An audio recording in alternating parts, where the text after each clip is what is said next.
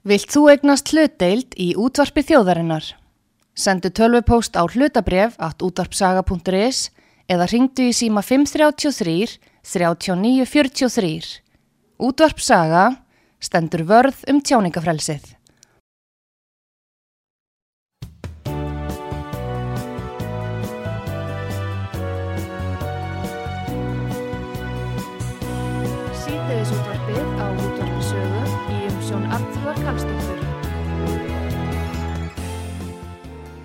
Komið þið sæl eh, þegar að lusta út var sögu Artrúð Kallstóttir heilsar ykkur.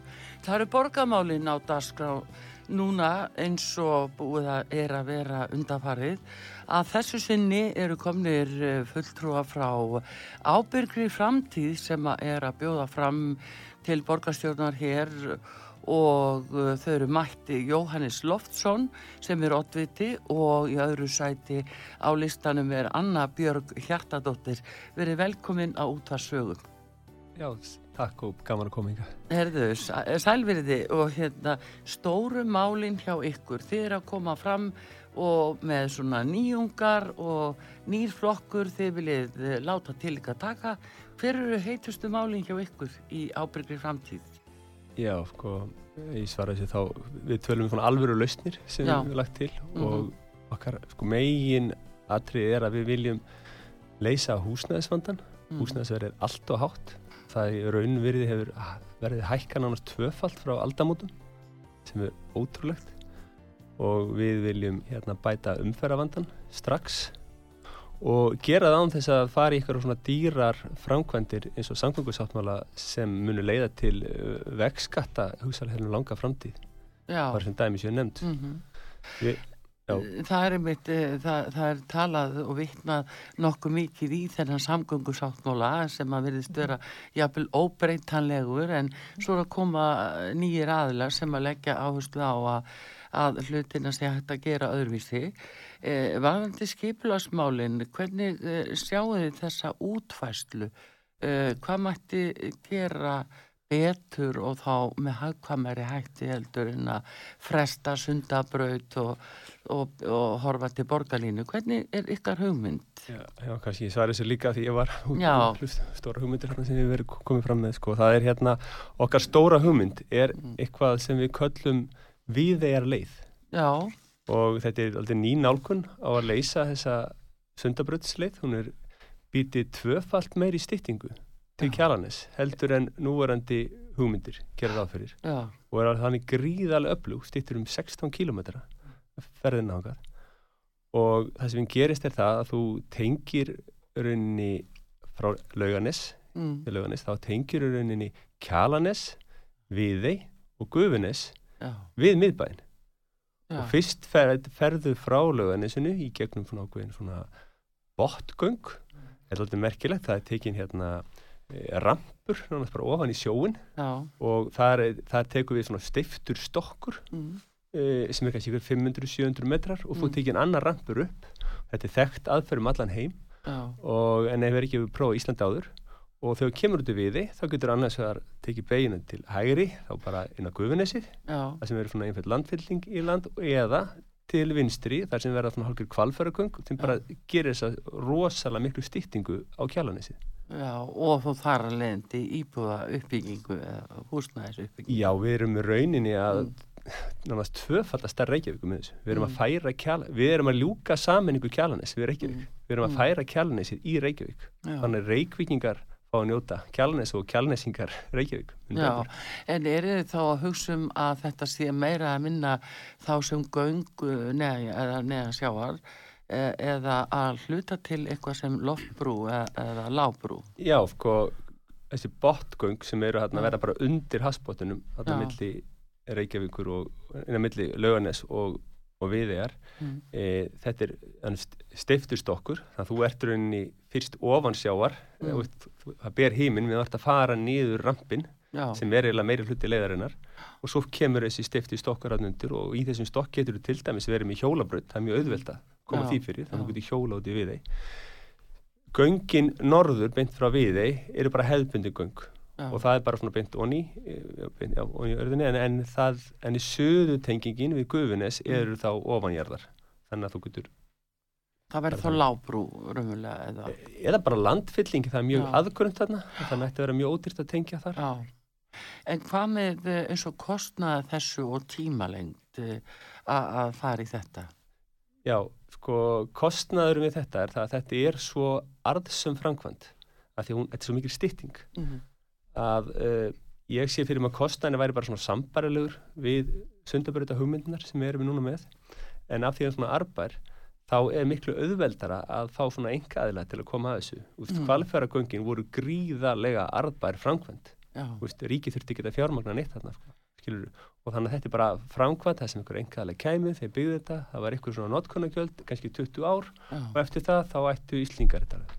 Mm Þannig að þetta er uh, svona eitthvað alveg, alveg nýtt á kortinu samt, uh, samt einhvern veginn eh, hefur, hafa nú heist einhverja hugmyndir en ekki kannski alveg svona skýrar en hvað þá með við þeir hugsiði það að byggja upp við þeir og, og fá þar bara blóm, blómlega byggð, hvernig Já. það? skemmtileg spurning Artrúður Mhm. vegna þess að ég heyri það á flestum hérna viðmælendum að það vekur upp gleði og, og eftirvæntingu að við geti orðið hérna fjölbrettari valkostur. Og það sem að stefna okkar er almennt, það er grunnstofna stefnan er að það er að standa verð um valfrelsi einstaklingana mannréttindi og frelsitt til þess að ráða lífið sínu og taka þátt í ákverðunum og það er með viði þá er náttúrulega bæði opnast leið til þess að gera þetta virkari sem náttúru bara paradís Mm. því að reykjökinga þá skortir útvistasvæði til þess að eiga góða stundir bara annarkort fara þarna og það sé hlaupa braut að, að skokka og hlaupa ég vil komast hann á reyðhjóli fara með fjölskylduna og það er aðalmálið það er að spyrja reykjökinga hvað, hvað hafa reykjökingar áhuga á að gera með við þeir Mm. vilja þeir byggja upp þannig einhver leiksvæði uh, svona svæði til þess að bara vera í útivist. Uh, eða vilja þeir byggja eitthvað þarna vilja hafa veitingahús, vilja hafa byggð. Og þetta er bara mjög mikilvægt að það sé bólur um virðing fyrir íbúum að, þeir, að það sé hlustað á íbúana. Það hefur skort mjög mikið að það sé hlustað á íbúa. Og hérna þannig að þessi eh, við er í raunverulega hún er starri en flestir halda. Ég held hann að minni en hún er, það kom mér óvart, hún er stór. Já. en að sama skapi þá er náttúrulega þessi frábæra snilda lausn að, að hérna, leið, leysa umferðavandan og opna fyrir nýtt byggingasvæði sem Jónis kynir þá er mjög aðteglisvert að hérna einhvern veginn um leið og þessi eins og það sem gerðist með þetta að, að hérna að leggja að mörgum fyrir valfrelsi fólks um ferðamáta eins og það voru lagðið hjólastígar og hérna og hlaupabrautur og fólk getur valið í dag miklu meira hvaða ferðamáta það kýs og ég er mjög, mjög hrifin að því að fólk hafi valmöguleika. Þess að valmöguleikar auka einhvern veginn lífsgleði og, og, og hafa mikið fólks þar að hafa þetta frelsit fyrir valmöguleika. Og eitt af því er að hérna að allir þessi fínu hjólastígar þeim var aldrei ætlað að, að verða eitthvað sem eitthvað vopn gegn bílaeigendum að nú verði bara bílaus lífstíl Mm e, og það er greinlega stefna hjá meiri hlutanum að þrengja að engabílum -hmm. fjölskyldubílum og engabílum og hefta förfólks eins og ég segi grein sem ég skrifaði í gær í vísi skoðun og var nú næst mest að lesna greinin að hérna að engabílinn hann er að spara borginni og samfélaginu sko miljarda því að framlag fólks er mjög stórt bara grunnþjónustu, bara, bara flest starf sem er ekki okkur borgar, hún myndi lamast ef að engabílinn er lagt. Mm, já, þetta er líka spurning sko, um tíma og verðmæti sem að tapast Já, ef fólk að... hefur ekki, hefur ekki ótakmarkaðan tíma, það þarf að nýta tíma sín sem best og þeir sem vilja velja hérna bílausan lífstil, þeir bara gera það. En við hinn sem höfum, eins og þú segir, hvorki tíma eða, eða efni á því því við þurfum að mæti vinnu og hérna við þurfum að fljóti för og fólk með, með börn þarf að koma við dagvistun og við verðum að virða tíma því tíminn er, er verðmæti. Mm, Mér finnst alveg ágætið punktur að koma að sinna á þetta með sko tíman og allt þetta dæmi sko að merkit að hugsa út í það. Þeir sem er að tala fyrir að þjætta byggð og eru svo að þrengja að umferðinni leiðinni Mm. þeir eru ekki að þjætta byggð í tíma þeir eru að dreifa byggð í tíma áttu ykkur á því Mm. þú ert lengur að komast frá A til Ö Minna, það er rosalega þjætt bílt á litlarhraunni bara spáið það. En, en, en, en, en það kemst engin milli klefa. Bara áttu ykkur á því. Það, það bara tí- tíminn skiptir máli. Þetta er ekkit og, og það sem við erum að gera með þessari viðiðaleið bara svo áttu ykkur á því. Við erum að færa kjalanesið nær Reykjavík í tíma. Við erum að þjætta byggð í tíma. Já. og með því að bæta þessar stopnaðar og bæta þessar þessa mikið vægu tæki sem, sem, samgöngukerfi eru Já. þá eru við bara að færa reykvíkinga saman. Það er ekki það einangrast eitthvað hverfi sem er fara sjaldan í að því þeir hafa ekki tíma til þess. Mm. en þá eru menn miklu meira að bara njóta Reykjavíkur og allir njóta, njóta Reykjavíkur. Já, þú segir einmitt uh, Anna Björg uh, í greinðinni í TVF uh, þá Vísir. segir, þá segir eða vísi, já þá segir þúsundur fólks notar jáframt engabílinn til að aðstóða aldraða fóreldra sína eða aðra ættinga með innkaup og keira þau í sjúkraþjálfun til læknis og í afþreyingu jáframt að veita öðru, hvort öðru félagskap og rækta tengsl og tilfinningarlega umvikið. Þetta er hlutu sem er algjörlega glemtur í umræðinni Mm. varðandi engabílinn. Ég- Það er aðlega að tala um engabílinn að hann sé að menga svo mikið, hann sé fyrir, en það er þessi, sko, þessi hluti sem er svona mikið fjárhastlugu stuðningur eins og þú segir, eh, frá almenningi við samfélagið. Já. Þetta er það sem þú ert að benda á. Já, vegna þess að það er það er hérna ábyrð og, og hérna og kjörna fulltrúa að það er að skapa aðstæðu til að gera líf borgarna sem allra best og hérna í þessu tilviki að þá vil ég bara segja það að hérna að fólk almennt með þessari aðstóð sem þeir eru að aðstóða sína ættingja og það er, það er marga fleiri aðstöð sumir eru með, eru með la- langveika og eru sjálfur eh, veikjur annað en þetta spara borginni mjög mikið í, í þjónustu og það, það fækkar líka hérna, þessari þörf fyrir svona einhverslega koma að segja hjúgrunar eða, eða, eða, eða hérna, íbúða úrræði vegna þess að fólk er almennt mjög duglegt við það að aðstóða hvort annað og hérna þannig að fólk getur búið lengur heima og svo sáum við það náttúrulega í þessu, þessu hérna COVID hérna öllu hvað andlega hilsa fólks hérna eh, hvað hún skiptir miklu máli. Þannig að mannleg samskipti og get, að fólk geti hitt hvort annað og geti allt samskipti og, og hérna það er stóri þátturinn í líðhelsu og hérna eh, og lækkar og sparar hérna heilbyrðsíðvöldum sko miljarda Mm Já, já, það er líka spurningum umununa bætuna sem að uh, fólk hefur jafnvel sótt um af því að það þarf að annast uh, aldra Mhm. ættingi sína og það hefur nú verið tregða til að veita það þó að það hafi verið gert sannlega en þarna er framlag uh, Mhm. fjölskyldunar til staðar ef hún hefur engabílinn. Já, ef hún hefur engabílinn og ég því fólk er að gera þetta oft eftir vinnu eða skjótast fyrir vinnu eða annað. En ég til akkurat þetta að það eigi að skoða það að veita umönnunabætur vegna þess að um leið og við erum komin í, í stopnanakerfi hérna hefði ofinbera á einhvern hátt eða borgin þá verður það svo gríðalega dýrt. Og það er svo mikil kostnaður í kringum allt í staðan fyrir að, að við hafa meiri betri samvinnu og þetta, þetta með engabílinn og mengunina bara, bara rafmagsbílar er mjög algengir þeir menga ekki í andrúsloftinu og flestallir bíla þeir menga nánst ekki neitt. En það er aftur á móti ástandið á götum borgarinnar hérna bæði hvað, hérna, hvað var þar að götunar ekki hreinsaðar það er mikið umferðastopp við, við umferðaljós og eins og Jóhannes hefur útskýrt það er, það er þegar bíl tekur stað við umferðaljós þá spænar hann upp þetta grófa hérna, þessi grófu hérna, korn úr hérna, hérna eh, Malbikinu. Malbikinu, já, kannski Jóhannes útskýri það eins? Kannski, já, ég lefu upp bara aðeins að segja frá sko. það sem er, að- hefur verið að benda á er það að það er henni bruni vélana, en menn gleyma því sko, hvað er svifrik Mm. og menn tala um svifrik og menn er ekki að aðskila svifrik frá eitthvað hættulega hlutunum frá minna hættulega hlutunum.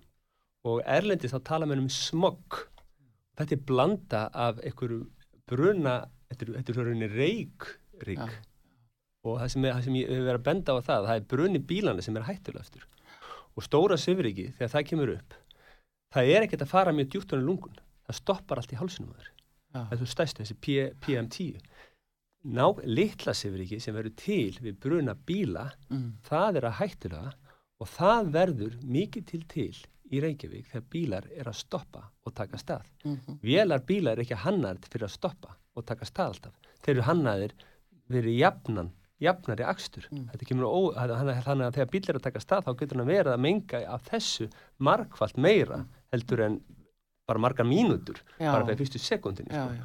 Og þetta er kannski einn útskýringin á því af hverju það hafa komið hérna sérfræðingur frá hérna, Kansas og var að, var að klóra sér yfir því af hverju var mikið mengun í litlu Reykjavík. Hún var jafn mikið á í Kansas. Já, og það er meðal annars vegna þess að vegakerfi er daldi mikið hanna fyrir þess að þess tafa mengum sem á sér stað með að Eh, stoppa já. og taka stað Þetta er náttúrulega spurning um uh, ljósastýringu að uh, ef að er greið leið og þá gengur þetta betur en það er engin trygging fyrir að ljósin séu rétt still. og, og Það er allur gangur á því. þetta er eitt stort mál hjá okkur sko. við Já. viljum taka á þessu strax og við viljum eh, bara bæta þessa ljósastýringu strax. Það er náttúrulega eh, og það hefur verið gera kannanir hérna, þar sístu viku. Þá kom ein, ein verkrastofan og var að verkís sagði frá því að eh, skoðið við 50 gatnamót Mm. og sá að þar var hægt að, alltaf hægt að finna einhverjar leiði til þess að stýra ljósinum betur. Já, og en að við viljum gera enn meira. Við viljum bæta möguleikan á ljósastýringu og til dæmis á miklubrötinni þá viljum við fjarlæga öll uh, stök gönguljós mm. á miklubrötinni og kringverðbrötinni þannig að þetta brýr í staðin já, og þegar þú komum með þegar ekki þessi gönguljós, ekki þessi möguleiki til að stoppa þá er miklu meiri möguleiki til að fá gott flæði sko. Og það, hef, og það er alveg sýnið sig að þegar ljósunum er styrt til dæmis að, löggunni eða eitthvað þegar þessi ljós er úti þá er bara mjög gott þessum- á þessum stöðum þegar hérna eh, meiri sá annað tíma já. En hvað með þá malbyggið þegar þú talar um sviðrikið? Um, gæði malbyggsins?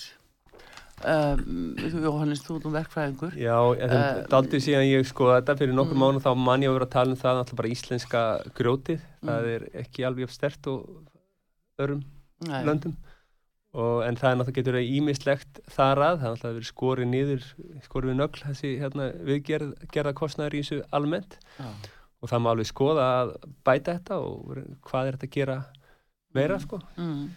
sjálfur hef ég gert sko rannsóknir á niðurbroti vega út af hérna bara hvernig bílar er að eðalikja vegi, vegi sko, gerði hérna eina rannsóknarskíslu fyrir Já. nokkrum árum síðan og þar komst ég að þeirri merkilegri niðurstöðu að, að rútur já, að þeir, þær eru að þær eru að gera eina, eina verstu tegund ein, ein tegund álag er langverst á rútum. Já, Ég veit það ekki, þetta er eitthvað rannsókrefni, það mætti alveg skoða það hvort að það getur verið mögulega haft einhver áhrif fyrir að þessi afturöxlar á rútum eru, eru, eru þingsta gerð af afturöxlum sem eru á bílum í Íslandi já, já. og það er náttúrulega umferðinni En reykjum. nú er náttúrulega mikil fjölgun á uh, notkun uh, uh, á slíkum faratækjum einfallega með uh, hérna auknum ferðamannaströym og þeir eru uh, inn í þéttri byggð eins og í, í 101 þar eru stóra, stóra rútur að fælast uh, inn í þröngum götum stoppa allt út í að búa að þrengja götuna svo mikið.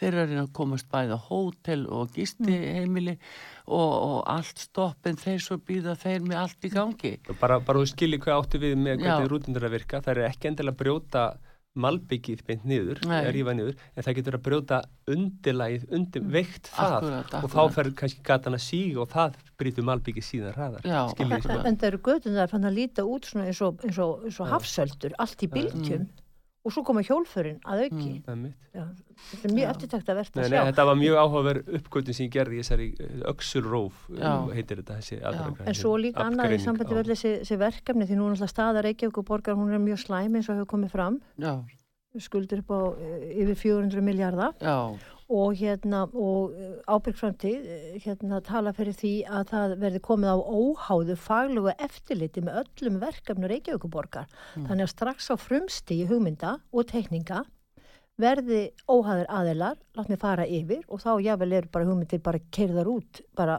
á því stíginu sem óhævar í staðan fyrir að sóa ja, miljörðum í verkefni sem hafa mörg sínt sig aftur og aftur. Er bara sóun á fjö almennings og fulltrúum ber að fara vel með fyrir mm. almennings.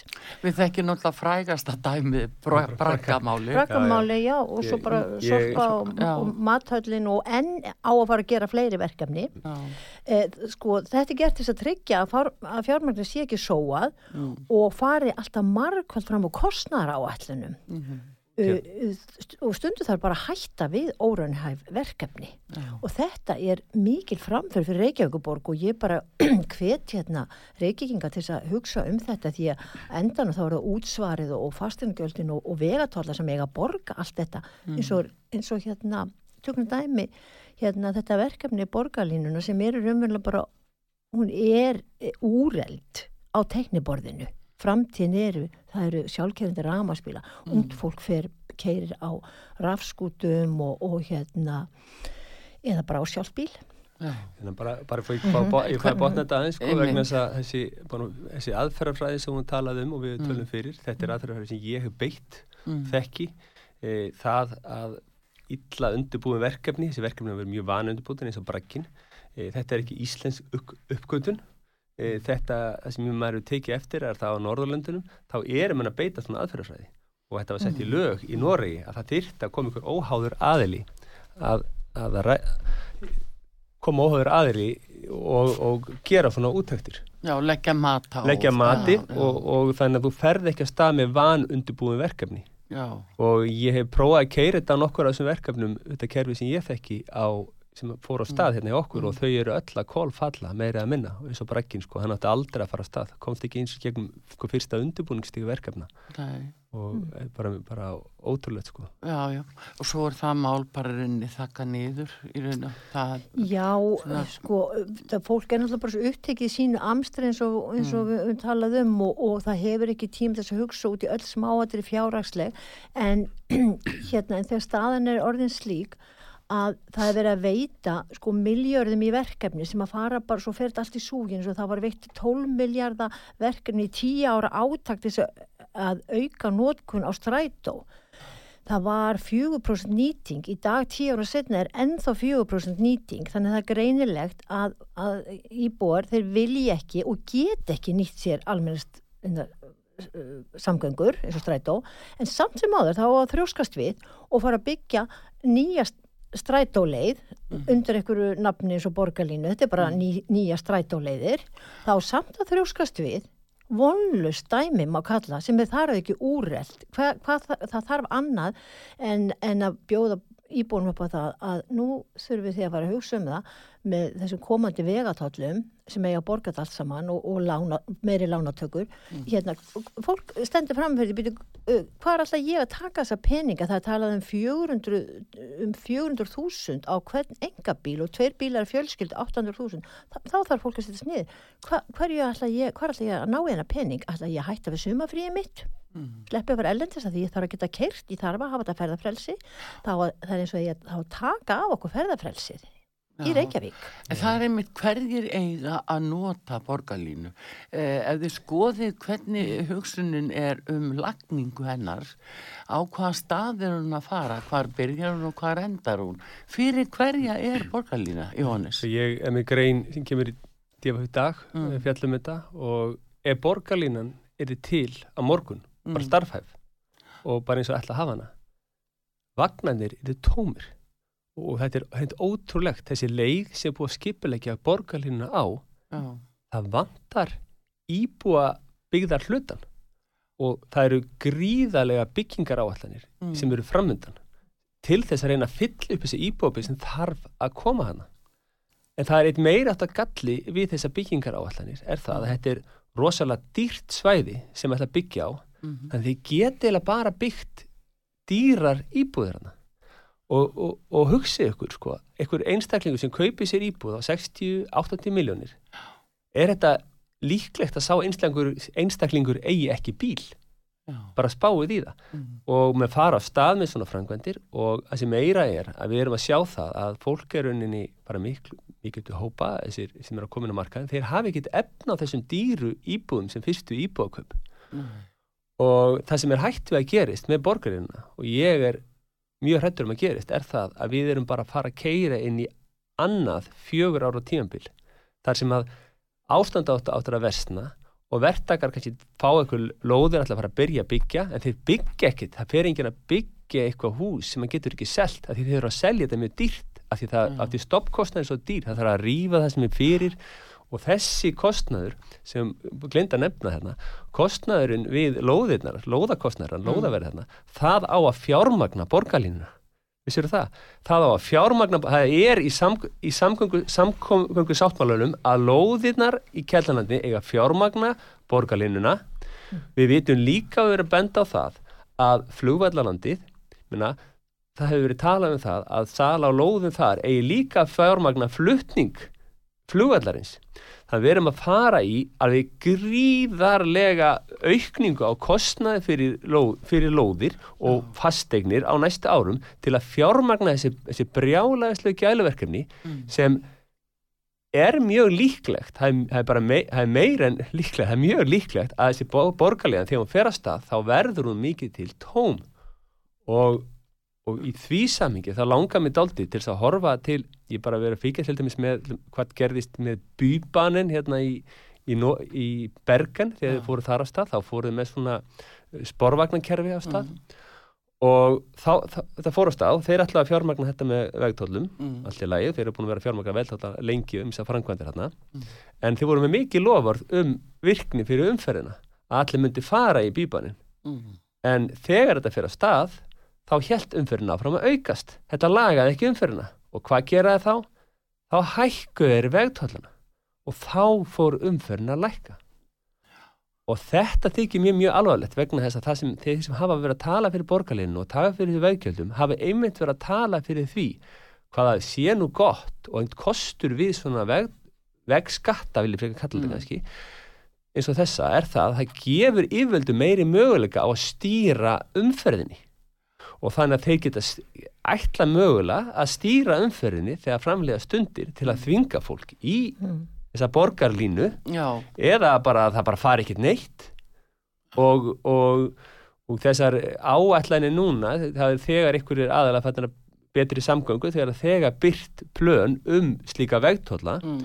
og það sem ég hjá augun í þar og þetta þurf fólk bara bara reikvingingar í útkverfum að bara horfa til sko þar gerði ráð fyrir að vera sett upp hlýð við umferðamestu stopnaðanar af því það er auðvelt að setja eitt hlýð til að ná sér mörgum bílum.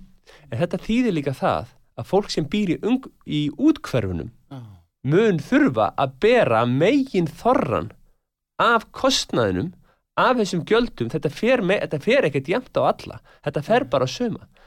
Þannig að við erum, hvað sér núarandi borgarstjórn, þeir eru komnir sko fyrir nokkuð mánu síðan þegar Jón Gnarr mm. og ætlaði að fara að komast á henni borgina þá koma með svona djók og sagði heyrðu, hvað ef við setjum bara svona veghlið hérna, tollið við hérna seltjardanis og fjármögnum allar ævindir okkar hérna í borginni mm. og við erum bara komin út í það mm. að þetta er bara plöni núna við erum að fara að setja upp vegtolla hlið við útkverfin og þau að fjármögna ævintýraverkefni. Já, bara, Jóngnar saði bara allt og snemma frá því. Þú meina það. Einni, það er. En, en ef við hérna- taka aðra hlið hérna, já, býtu, á þessu sama mikli, já, eftir. Mm, já, við langar aðeins samt að hérna, nefneitt við þið, Jónis, að þú ert að tala um borgarlínuna og þessa, uh, já, tó, þessa tómu, uh, tóma landsvæði sem er uh, víða á, á leiðinni e, og íbúa uppbygging þannig að maður segja að eh, borgarlínan er í sjálfustir ekki bara einhver umferðarstefna eða skiplastefna Nei. heldur hún er eh, húsnæðistefna þetta er, þetta er, Borgarlínan er fastegna þróunar verkefni fyrir dýrar íbúðir. Og þetta þarf fólk að gera og þess vegna verður að hafna borgarlínni þetta er ekkert með samgöngur að gera mm. Þetta segir uh, góði gestur hér uh, frá uh, ábyrgri framtíð sem að er að bjóða sig fram núna til borgarstjórna. Jóhannes Loftsson, verkfræðingur Ottviti er hér og með honum Anna Björg, hjertadóttir Frankværtarstjóri. Við heyrum betri í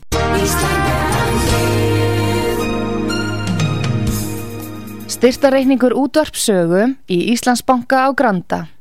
Útubú 513, höfubók 26, reikningur 2.11.11. Nánari upplýsingar á útvarpsaga.is. Takk fyrir stöðningin. Þeim eftir skammastund við ætlum að fá auðlýsingar. Sýteðis útvarpið á útvarpisögu í umsjón Artrúðar Karlsdóttur.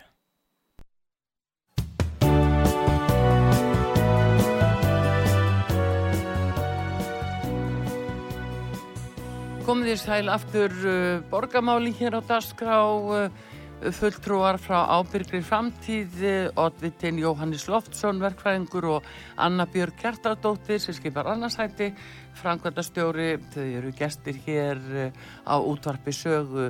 Við erum að fara yfir helstu áherslumálinn hjá þeim núna fyrir borgarstjónarkostingarnar og uh, margt um nýjar hugmyndir og við vorum að tala hér um borgarlínuna áðan Jóhannes og uh, veist, að, benda á að þetta væri jafnvel ekki gert enn þann dag í dag ráð fyrir uh, hérna nægilega skýrri byggð sem ætti að uh, reysa hana nema bara dýrum hús, dýru húsnaði Já, og það er svona eiginlega færi mann sam, sko samtímis að eh, þessum hugmyndum um að byggja upp á flugvöllinum og sumir segja flugvöllin burt, maður fann að heyra þetta svona hjá ótrúlustu flokkum eins og framsók, flugvöllin burt skilji, hvað segir þið ekki á ábyrgri framtíð, vil ég hafa Reykjavík flugvöll á sínu stað?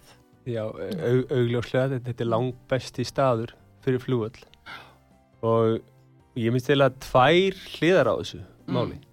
Annars vegar spá, bara maður spáur í skafan sem verður fyrir bara Ísland og Íslandinga og Reykvíkinga ef flugvöllinu fer Já, og líka bara hvaða ágæti við getum fengið í framtíðinni sko. mm. því það er að eiga sér stað gríðaleg þróun í flugheiminum Mhm. flugvélar er að vera miklu, miklu hljóðlátari það eru komna sérst, það eru, mennir sko, Airbus er fann að þróa flugvélar sem eru með getur verið 20-30 decibelum lægri hljóð heldur en þess að vangja bólsvélar Mm. og maður er mjög spenntið það ekki um marka, það eru koma ramasvélar sem eru Mhm. miklu hljóðlátari og, og það er svo margt að gera fyrir hennar flugvöll. Og það sem gleymist í stundum í kringum hennar flugvöll er það að ég var að skoða um daginn og það eru ekki nema held ég eitthvað um fimm farþegar per snertingu á Reykjavíkurflugvölli e, samanborði við keflaugurflugvöll þá áttum við svona cirka 90 Mm. Og sem segir okkur það að þessi flugvöllur er algjörlega vannýttur því að þú gerð flug sem býr til tekjur Mm. og tekjur sem að ge- gera til þess að bæta flugvöllin, bæta þjónustuna Mm. og lækka há, háaðan eða ónæði ánum Mm. slík tegund flug, flugs er ekkert í gangi í Reykjavíkurflugvelli og þess vegna viljum við hjá Ábyrgur framtíð, við viljum efla Reykjavíkurflugvell með því að leifa meira millilandaflug þannig að þú getur bara í staðan fyrir að fara í gegnum tafirnur og ferða óþægindi til að fara til Keflavíkur þá getur bara gengið nýra á flugvöll og, og farið mjög hratt og það er það sem að tekki sér þæginn til innanlandsflugi það er bara auðvelt að fara úr landu og bara og að lenda því í London miðbæðar London, það er miðbæ, flugvöllir í miðbæðar London Já. sem er bara vel reygin Það er líka það svo Anna? mikilvægt hérna, með, með flugullin, það er þetta sem ábyrg framtíð er að, að stefna að í öllum málum sem flestum að auka tekjur Reykjavíkuborgarar. Mm. Það, það, hérna, það, það, það er hægt að nýta flugvillin til þess að auka tekjur Reykjavíkuborgar gríðarlega mikið fyrir utan það að, að losna við kostnaðin af því að flytja flugvillin eitthvað annað sem við vitum ekki eins og hvað er ætti að vera en því fyrr sem við getum byrjað að nýta flugvillin til þess að fá tekjur og, hérna, og annað sem gleymistundum er það að, að hérna, landsbytarinn hás, háskólasjúkurósi þeir eru með alþjóðasamning um líffæraflutninga. Þar skiptir hver mínúta máli að koma líffærum bæði úr landi og inn í landið á svona skjótastan hátt og þá séu ekki veður sem hamli, umferð og tafir og annað og þetta, þetta þarf að hafa í huga því að lífæraflutninga þeirra hafa aukið skriðalega mikið og flugvöldun er mikilvægt öryggistæki bæði fyrir sjúklinga utan á landsbyðin og annað en mér finnst sko líka, ég held að það sé órannsakaða fullu hvað gerist þegar flugvöldinni fjarlæði. Þetta er mýri og við vitum að, að hérna fugglalífi þarna á tjörnin sem enn okkar helsta kennimerki og, og hérna og stolt okkar reikvikinga, við þurfum líka að huga mjög vel að því e, hvað gerist með lífiríkið. Já. Það er eins og það bara skipti ekki nokkru máli, það er bara, það er vaðið af stað Mhm. og þá bara fjarlægina flugvöld og, og byggja eins og hans að dýrar, sko þetta eru dýralóðir, þetta eru, dýrar íbúðir og ég segi hver hefur efnaði að kaupa þetta, við vitum að það er ekki ungt fólk og það er ungt fólk sem að, að á börnin.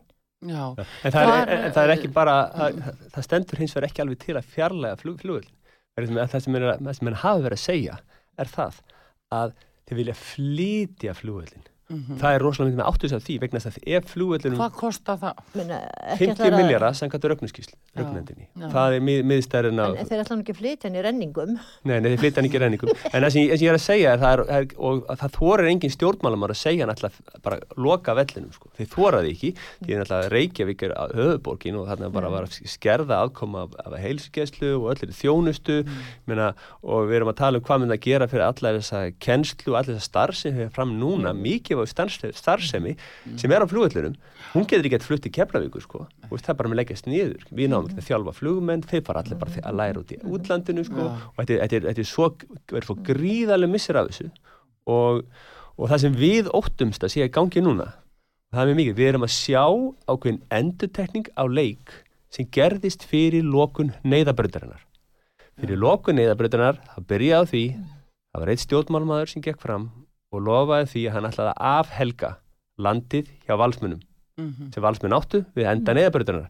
Þetta var áður en nokkra rannsóknum voru gerða hvort það væri hægt að afhelga þetta. Hann ætlaði bara að afhelga þetta. Þannig að bara, bara gaf sér það að, að, að þyrti geta nota þennan flugull. Og, og í framhaldinu þá byrjar ímsa framkvæmdir og byrjar hérna valsmenn byrja að sökka sér í skuldir Mm. smá saman og undurbúa það er gerðu samningur setna og þennan borgin fer að vera ábyrg fyrir ykkur samningum og með byrja að skipalegja þróun þessa svæðis og með hlaupa af stað með þetta og svo er þetta fast í pólitíkinni í mörg mörg ár, þetta er eitthvað 2003 eða Já, eitthvað ég sem búið þetta að gerist. kosta óemi og, mikið og, út af og, vanemdum og öru og komið á þann stað að þegar ákverðunum var tekin lokunum að, að loka neðabrutinni, sko, þá var þetta valsfélag, þá var skuldut upp á hvort 2-3 miljardar í skuldir. Og, og, og þetta var bara komið bara neyðar ástand að, að, á þeirri hlið. Núna eru við að fara hugsalega að horfa upp á það að með fari að byrja að skipuleikja e, byggingasvæðið þarna við skerjaförðin og allar með erum fattar að íta í áttina að fara að undubúa framkvæmdið þar sko. Og þegar, og það sem gerist byggir ekkit bara við hliðina flugvelli, Þú veist, þetta þetta, býr, þetta trublar allt, allan vind og allt, allt svona og ég veit það að við, eh, valskverfið það var ekki gerð neinn svona vindarannsókn fyrir þetta, hvort þetta hefði áhrif á flugið þannig það sem gerðist, svo þó það ætti að gera það samkvæmt þessum flugvallar stöðlum þetta var sleppt þess að gera þetta. Og það sem gerist er það að, að þetta er mjög viðkvæmi staði þegar flugvil er að taka upp. Þannig að þá, erum við að fá okkur vindseif þegar flugvilin á punktinu til þetta er að fara að taka upp og, og, og í ákveðnum vindáttum og, og þetta er bara verulega. Einmitt, og ég hérna að því að, sko, tengt málefni þessu er alltaf líf borgarbúana og hérna þetta með dýra lóðir og, og hérna borgarlínuna og þennan mikla kostna ég sko neyðar ástandi sem er núna í dagvistuna málum í Reykjavík Já. það er mjög stórt. Og hérna og við sjáum það, það er, það er verið að skera niður, það er verið alltaf það er verið að lofa stóru eh, og sama tíma að lofa stórum dýrum fram, framkvæmdum eins og fyrir öll börn frá 12 mánuð aldri eh, að lofa dagvisturna plásti en á sama tíma að þá eh, hérna er verið að að, hérna, að draga úr þjónustu til dæmis bara tökum við dæmi það er búið að fækka ferðum hjá strætó út á fjárskorti. Það, það hérna, fæst ekki starfsfólk þess að, að kannski er bara ákveðin stefna þar að, að, hérna, að halda starfsfólki í lámarki því ég veit að, að þegar það er veikind á, á leikskólunum þá eru ekki eh, kallað inn auka fólk, það er bara meira áláð þessu fyrir eru og það er það sem að er, að er að ganga frá þeim. En stóra málið er það að þetta með valfrelsi hérna og, og með, með ungt fólk, ungt fólk verður að hafa efnaði búi Reykjavík, það verður að hafa dagvistun og eins og málun er í dag þá stefnir allt í það að Reykjavík verður borg án barna og borg með engin börn á enga framtíð fyrir sér. Ég sé fram á stórföldan flótta af, frá barnafólki, það getur ekki búið Reykjavík. Eh, til þess að leysa það mál þá er hægt að gefa þetta valfrelsi að ebla sem þetta dagfóraldrakerfið. Það hefur verið eh, markvist unnið að því að útrýma dagfóraldrum en það eru margir sem vilja bara hafa börnin á, á leikskóla frá 12 mánu aldri að þeir vilja gertan hafa þau hjá dagfóraldrum til að byrja með. Eh, það væri hægt, sko, það er, það er margvalt ódýrara fyrir borgina að standa við bakið og styrkja dagfóraldra og, og, og þannig gæti komist miða við að það var fyrir 10-15 ári síðan þá voru 260 uh, dagfóraldrar og það þýðir það að það eru um, um 1200, uh, 1200 til 1500 pláss fyrir börn. Mm. E, á sama tíma getur borgin sparað sér 4-6 miljardar á ári. Mm. En það þarf að verða virkari hlustun og gefa meira valferðelsi íbúin og vinna með fólkinu í Reykjavík staðan fyrir mm. að það, það er eins og sem markveit verið að vinna gegn barnafjölskyldum, gegn bílegundum, barnafjölskyldum þurfa flestra að hafa bíla ja. og komast í vinnu, það er dýrt að lifa, það er mikla vinnu og mikla útsunum sem er að skipilegja líf fjölskyldu í dag Já, og koma börnum líka til og frá. Til og, frá. og ég er ekki að sjá, ég sá í vetur ástandið hérna í, í, í, hérna, í veðufærðinni, það var slíkt og að því borgið var nú ekki að móka snjóin, að ég horfið bara á hérna skablana, ég veist að þið að komast með tvö börn út á þetta strætsunaskíli sko hún hérna, hún Vilborg Arna Pólfari, hún myndi mm. ekki púla það hérna, Mér langar að ég gaman að einu sko ég, gaman að þetta er alltaf svona lýsandi fyrir ástandið. En takk ég eftir því sko að e, hverki tala menn meira um e, að gera eitthvað stóra lausnir eins og þetta komum með borgarlínu það með leysa alla vandan herðu, svo geta ekki reiki strætisvagnankerfið mm. Höfum við ókeipis í leikskóla niður í 12 mánada, þú veist, börn í 12 mánuða þið þurfum ekki þurfa leikskóla, en allavega þeir alltaf lofa því ykkur risa átak en foreldra, þeir get ekki fundið dagforeldra mm. nýjir foreldra hérna í Íslandi, það er neyðar ástand þar. Mm. þú veist leysum umferrafandan með miklu brautarstokk og einhvernum rísa brjálæslega sko, framkvæmdum. Þetta eru sömu lofórðin og yfirlýsingarnar og voru fyrir fjórum árum. Já. Því stærri sem lofórðin eru þeim er verra er ástandi og þeim minna gera þið fyrir fólk. Já. Þetta er bara að vera að tefja lausnuna fyrir styrra en þá er ég með spurningi Jóhannes og, og, og Anna að þið voru að tala um hérna áðan það eru svo dýru eignir sem að eiga að reysa eða rýsa eh, hvar eiga þá þeir eh, sem að minna hafa? Hvar er það þeir að vera? Einhverju leiðum þrælar einhvers Já, nótum, þetta var góða punktur hjá þér. Ég hef ekki enþá hitt neina foreldra sem hafa sagt að ég óska þess svo innilega að börnin mín fái öll góða leigu íbúð þá getur búið í góðri leigu íbúð allæfi Nei, allir fóreldra óska þess að börnin þeirra geti keift sér íbúð eða, eða reist sér hús og, hérna, og, og, og gangi vel í lífinu þannig að það er annað hvað sem er í sambandi við það að hérna, eignir eru náttúrulega ákveði vald að eign er vald mm. og hérna og þegar þú hefur eignast eitthvað hérna og séð fram á það sem, ung, sem ungmanniski að geta keiftir íbúð eða byggtir hús þá færðu aukna vitund fyrir umhverfiðinu og taka þátt í samfélaginu, þú lætur þið varða, fólk sem að bara leiðir, sko það, það skiptir þau miklu minna máli, þau geta farið hvert sem er, þau segja ég flytt bara ellendis, ég hef ekkert hérna neitt sérstætt, þetta skiptir miklu ég máli. Á, ég var á kynningu hérna hjá Sandugum Leigjenda Íslanda í vikunni. Og þar komið sér sláandi bara skoðanakonin sem var gerð með Leigjenda Íslandi að 90% leigjenda, mm. þeir vildi ekki verið leigu. Nei, og þessi 10% það verður að vera eitthvað sem kannski í námi eitthvað svona skóla mhm. skilji. Það er neyðar úr það mm. og það gleimi stundu sko maður átt að segja því þetta eru, þetta eru ofta eitthvað að við erum komið með eitthvað svona sko, fastegna húsnæðis úrræðamarkað við erum komin að næst þetta hálfgeitt svona, mér finnst þetta að vera hálfgeitt sovjaskerfi sem við erum komin í. Og það sem að fólk verður á að hættu að festast í leigubúðinu mm. Þeir eru mm er svo legan í svo há mm. að þeir ná ekki að safna sér pening. En er að það ekki Jóhannes brákvinn stefna líka? Þú sér þetta puntakerfi sem að núna frakkanir er að byrja að taka upp. Það er verið að ekki búið til stafrænt uh, kerfi hjá Reykjavíkuborg er þetta ekki akkurat kýmist uh, puntakerfi að ég menna sjáðu húsnæðstefna sem þú ert að lýsa? Uh, hverjir eiga að búa og vera í leigu í húsnæði og eiga ekki möguleika að fá lán? Mm hvað, eh, blasir ekki við hvað verið að gera hér. Ég menna það er er- verið er að það eru sífælt fleiri að verða svona eigna litlir hérna á Íslandi. Mm. og, og það hinn er pólitísk stefna í sjálfu sér. og hinn hliðin á þessu sem ég finnst líka bara um, sko, ömulegt það er sko, ok, svo erum þessu húsnæðis úrræði mm. sem fá aðeins ódýrara. En það er oft skilist sko.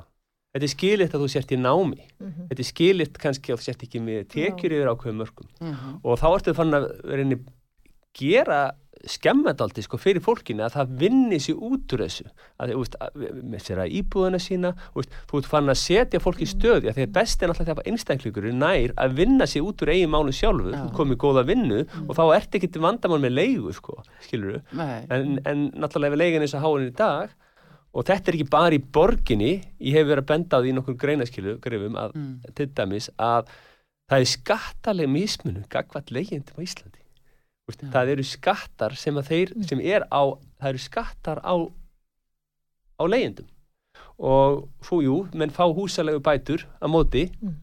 en ekki allir, því að húsalegu bætur eru tekjutengdar. Já. skilji, þannig að þegar þú að búa til svona heilbyrðan leigumarka, það mátt ekki vera með svona kerfi, það er svona bara niður í hvert sinn sem það er að koma undir fótunum. Já, það er svona ákveðin þessi stýring, það er, eh, það er þessi hulda hönd yfir öllu, hvað Já, hana? lausnin er náttúrulega það sem að Jóhannes kynnti í upphafi, það er þessi, hérna, þessi við, sem dæmi, viðeigleiðin sem tengir kjalanessið, bara tíminn að keisla með engum umfyrðaljósum beint inn í, í lauganessið og þessi stóra byggð þarna, þar eru ódýralóðir, þar er þetta byggja hratt upp Mm. íbúðir sem eru hérna, sem að um leið myndi kannski koma svolítið meira jafnvægi á hérna verðlag í, í, á íbúðum og eignum í dag. Já. Bara þau bætin inn í skólinn á kjálnesi, hann er bara hálf fullur. Innviðin eru til, ár aðförun að útkvörun er svo mikil að víða í útkvörum, þá eru til innviðinni til að taka við nefndum. Það var lokað þetta skóla hérna í gravarvóginum fyrir nokkru síðan, sko, og bara það var ófáið nefnendur. Og ég meina, þannig við erum bara að segja að þetta, þetta er til, það er að byrja bara strax að byggja. En, við taka þessa stefnu, sko, Já, að byggja ódýrt og það var, og við vitum að þetta virka vegna það var miklu ódýrt að byggja um aldamótin. já. En svo aðeins hérna bara síðustu uh, að hérna það eru þessi vegtóllar sem að hanga yfir borgarbúum núna og bóstalega ekkert talað um í þessari kostningabartu fyrir borgarstjórnarkostningar. Vegtóllarnir sem eru að fara að dinja á borgarbúum. Sko. Sérstaklega í útkværu, Te- eða hvað? En taktu eftir því, hverji munum bera ábyrð á verðtóllunum? Jú, það er ríkistjórnin. Mm Þeir eru að gera samgöngu sáttmálan. -hmm. Ha? Þannig að það er þá sjálfstaflokkurinn, framsókn. Og hverjir aðrir, það er náttúrulega meirlutin í borginni. mm, Þannig að allir gömlu flokkarnir, mm, þeir munu bera ábyrð á verðtóllunum þegar koma. Já, Og það er ekki maður vona að þeir vilja ekki gaggrina á mikið. Mhm. nei, Ha? Og þess vegna, þú veist, menn þurfa aðeins að reyna átt að sjá það, það er skipti máli að koma inn hérna eitthvað nýtt afl já, sem vill raunverulega bara sér vandamálin og, og þorur og, og er ekkit bundin að einhverjum, einhverjum slíkum samningum að bara að stöðva áður en þessi místöku eru gerð. Tökum aðeins þegar dæmi mitt út af þessu sem hún nefndir að þegar innveðar á þeirra borgarstjóri gerðu með sér samning út af sundabrautinni sem átti að byrja í raun og veru eh, að þær framkvæmdir átti að byrja í september 2020 að þessu merkil sem það nú er. En þá gerir innveðar á þeirra samningu borgarstjóri fyrra 2021 um það að fresta framkvæmdu til 2026 en á sama tíma allæðir að setja vegtólla eins og til dæmis ártúnsbrekkuna þar sem allt grafarholtið, árbærin alltaf fólk og upp á kjalanissi þeir sem eru að fara norður og, og, og austur e, eru bundnir að borga hátt í 700 krónur fyrir hverja leið sem þeir keiri gegnum geislan Um, Ríksjóðin er að taka þátt í þessu að hindra uppbyggingu syndabrautar en tekur vegtólla í stað Já. Já. merkilegt. Þetta er, á þetta, þetta öllum þessum meiri- ópi vóls og, og þarna er líka að vera brey þessi vegtólar út af samgöngu sáttmálunum þeir eru annars eðlis en þessir notkunatollar sem voru í kvalfærugöngunum já, og ég vil alltaf vera að benda á það að þarna var verið að borga fyrir notkun já, hver einasti einstaklingu sem notaði kvalfærugöngin mm, hann grætti á upphæðinni sem hann var að græða meiri pening heldur en hann grætti vegna þess að bara bensínsparnaður og allur þessi er bara margfald meiri pening. En núna á bara að fara að rukka einhverja fyrir Já, annað það er náttúrulega er út af trassaskap við að kom ekki framkvæmt sundabrautinni sem er ítrekka búið að lofa frá 2004 með þess að sko skilgrein fjármagn var uh, tekið og því eitt út í heimi þegar það átt að fara í sundabraut á sínum tíma sem fraktir. Við sjáum artrúður að, Já. þú veist, sundabröðin kostar heilmikla peninga en að setja upp veftollaði skatt á, íbúna, það kostar ekki neitt. Nei, það er bara sé- refsaði það er með því býða. já. Ég segi 12 ára krakki getur fundið Mm. upp sko hérna, hérna, hérna skatta og gjöld og, og bara hérna, e, það þarf ekki neina kunnáttu til þess að- kúa fíótu Nei. fólki. En það er refsigjöldin eru framtíðin greinlega eða einhverju Mhm. leiti en svona og þetta og aðtilsvert að heyra hvað þið hafið hugmyndir um Mhm. nýja og, og viðtaka sín á þetta allt saman Mhm. Og uh, eitthvað svona alveg að síðustu því að núna erum við Já. bara, er frá hvað ykkur Já, mér langar að segja það, finnst mjög mikilvægt að, hérna, að íbúið Reykjavíkur uh, gerir sér grein fyrir því að uh, sko, það þarf að, að kjósa ábyrga framtíð svo við getum verið hérna, valkostur í nýjan borgarmeira hluta. Það þarf nýjan borgarstjóna meira hluta. Og, hérna, og ég hef alveg trú á því að það sé fólkana sem vil gera betur en hefur gert hingað til. Og ég bara hvet fólk til þess að, að hugsa bara um heildina því við erum öll ein heild. Og, og það skiptir máli að sem flestum gangi vel og borgin blómstri og hérna og eins og við segjum við erum með bara alvöru lausnir sem virka og það þurfa bara að komast í framkvæmt. Það er nefnilega það. Já, bara, bara að segja þetta, það er gríðarlega mikið mál að við kemist inn vegna þess að bara ef við kemist, kemist meira þá fer við leiðin af stað. já, Þetta er fræ, þetta er góðar hugmyndir, það er vaksa já, og þetta er hugmynd sem getur breytt lífi reikninga bara um langa, langa framtíð. Mhm. og þannig að við bara við erum, bara erum með alvöru lausnir sem við vitum að virkar. Og hérna og, og þess vegna bara við ætti, og það er mikið vægt að ég kemst að. Og því það er uh, uppsulon stafurinn hjá ykkur eða hvað? Já, Já. það er einfald að muna XY ábyrg framtíð. Exumsulun, já, alveg það. Björn framtíð, heyrðu, nei, ábyrg framtíð segi ég, þannig er gott að hafa þetta rétt, en hérna Það er allt í leðartöðu að sko ábyrg framtíð skapar bjartari framtíð, Já. er eftir viss. Já, það höfum þetta hannig Heyrðu, bestu þakki fyrir komuna Jóhannes Loftsson, Oddviti ábyrgar framtíðar og Anna Björg Kjartadóttir sem að skeipar annars sæti gangi ykkur vel og takk fyrir komuna hér á útarpi sögum Takk fyrir. Arnþrúður. Arþrúð Karlsdóttir þakka fyrir sig, taknimenn í útsendingunni Valdur Skúlason og Daví Jónsson veriðir sæl.